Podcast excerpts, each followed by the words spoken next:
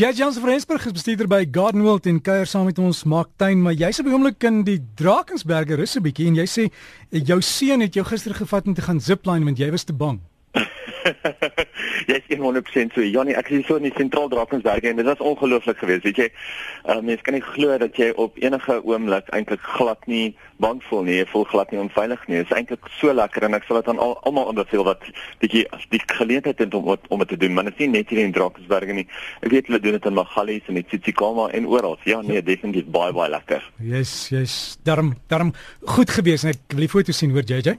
Ja nee, definitief. Daar's 'n paar op Facebook, so die mense kan gaan loer op my Facebookblad. Daar is daar 'n paar daar, maar ek sal nog baie meer daar sê. JJ dan die ander ding hierdie tyd van die jaar is ons moet tuin maak, is herfs in die binneland, maar sekere dele van Suid-Afrika is baie droog en iemand het vir my mooi epos gestuur en te sê ons moet onthou wanneer dit kom by droogte tye, nou kan jy sien watter is jou geharde plante wat oorleef in die droogte, né? Dis hy weet jy Derek ja nee ongelukkig in Johannesburg is waterbeperkings gelig maar in die Kaap is dit net heeltemal die teenoorgestelde. Die tuine wat nou oorleef oorleef in die in die Kaap is eintlik daai tuine wat wel waterwys is. En as jy nog nie die volgende gedoen het in jou tuin nie, gaan jy nie 'n waterwys tuin hê nie en gaan jou tuin nie oorleef nie. As jy nog nie dekla op jou beddings gegooi het nie, gaan koop vir jou dekla by 'n kwekery, gaan kry vir jou gekapte hout, gekapte bas, enigiets van daai aard, versnipperde bas wat jy eintlik op die beddings kan gooi sodat jy daai deklaag kan neerlê wat eintlik 'n kombers is vir jou vir jou plante.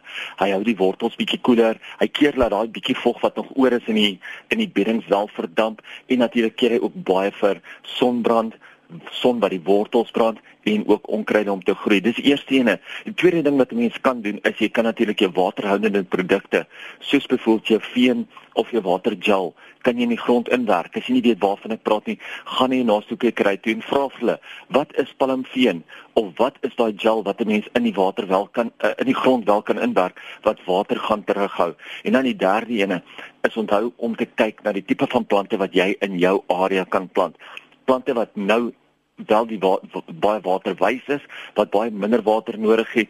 Inheems is tot jou streek, inheems is tot jou gebied.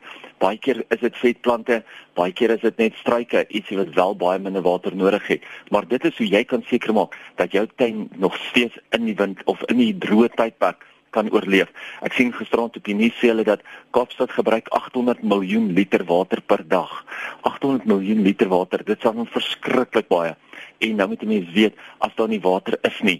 Hulle is nou op 'n vlak 3 B rampgebied verklaar as mense dit so kan stel met die veelheid water wat hulle eintlik nie het nie wat hulle nie kan gebruik nie.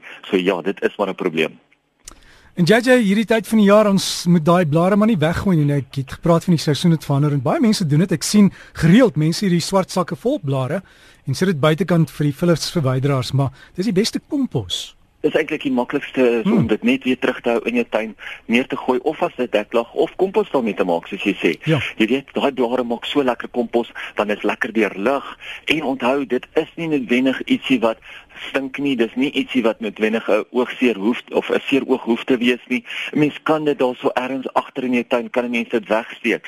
Want onthou kompos gat of 'n komposhoop het nie son nodig nie. Hy moet sy eie hitte genereer. So as jy ergens 'n koelte gaatjie het waar jy dit kan wegsteek en waar jy eie kompos kan maak, doen dit nou. Veral al daai blare soos mense dit ehm um, sou wegry en as mense dit nou kan erns bære en kompos om jy kan maak, dan beteken dit binne die volgende 2 maande of so het jy jou eie kompos want dit vat letterlik net 2 maande vir komp vir, vir blare om in kompos te verander.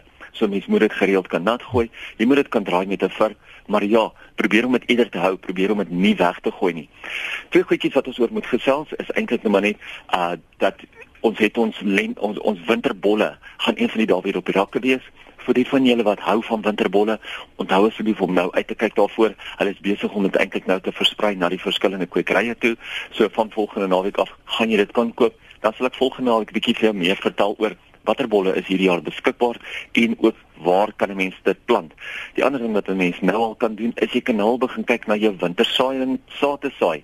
Gelukkig het die aande al soveel afgekoel dat die wintersaad nou gesaai kan word en dat jy nou jou saaiing aan die gang kan kry. Mens moet onthou, 'n mens moet 'n baie fyn saailing mengsel gebruik. Gebruik 'n grond wat redelik goed ook dreineer. Maak seker dat hy nie te veel vog terughou nie, want anders gaan jou saailinge baie maklik wegvrot. Hulle kry ongelukkige fungus siektes en as hulle nou nat bly, dan gaan hulle nou baie vinnig kan wegvrot. So mense moet daarvoor pas op. Tweede ding is mense moet pas op om dit nie te diep te saai nie.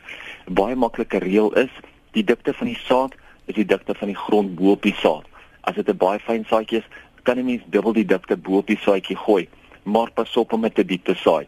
So gereeld kry die saadverskaffers en die verskillende kwekerye die skuld, maar dit is jy wat dit eintlik nie reg saai op die einde van die dag nie. Pas op om dit nie te diep te saai nie. Met 'n baie fyn laagie saad bo op die saad self hê. Die derde ding is maak gereeld nat, maar pas op om dit nou nie weg te was nie. Onthou as 'n mens jou saailinge nat of jou saad nat maak, dan moet 'n mens dit baie baie versigtig doen.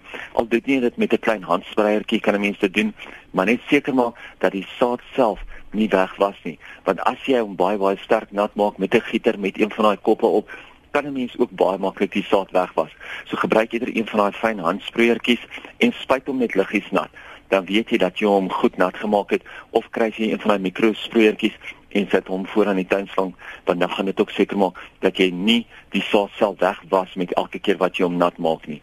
Dit die laaste ding is is eintlik vandag 'n baie jammer, 'n baie um sad dag, 'n uh, ongelukkige dag vir ons, want vandag neem ons afskeid van een van ons grootste krye legendes, Margaret Roberts. Mm -hmm. Ons gaan haar geweldig baie mis en ons is vir ewig dankbaar dat sy so baie van haar kennis in boeke neergelê dat sy nog steeds kan oorleef en ons nog steeds kan raad gee al is sy nie meer daar nie. Ja, en JJ, as ek reg het, sy's laas naweek oorlede met Dharma kinders aan haar sy, hè? Dis korrek ja, yep. sy was definitief haar kinders was aan haar sy gewees, was 'n baie kort siekte gewees. Uh en dit was laas Saterdag soos jy sê. Maar nou ja, uh sy was 79 jaar oud gewees. So ja, sy het 'n baie goeie vol ryk lewe gehad en ons is vir ewig dankbaar vir dit wat sy vir ons as die tuiniers, vir ons as die publiek, vir ons as die gemeenskap beteken het. JJ, baie dankie en alles van die beste en uh, lekker naweek vir jou. Ek sê vir dankie vir daar Derek. So gesels JJ Jans van Rensburg as jy wil e-pos is JJ by gardenworld.co.za. JJ by gardenworld.co.za.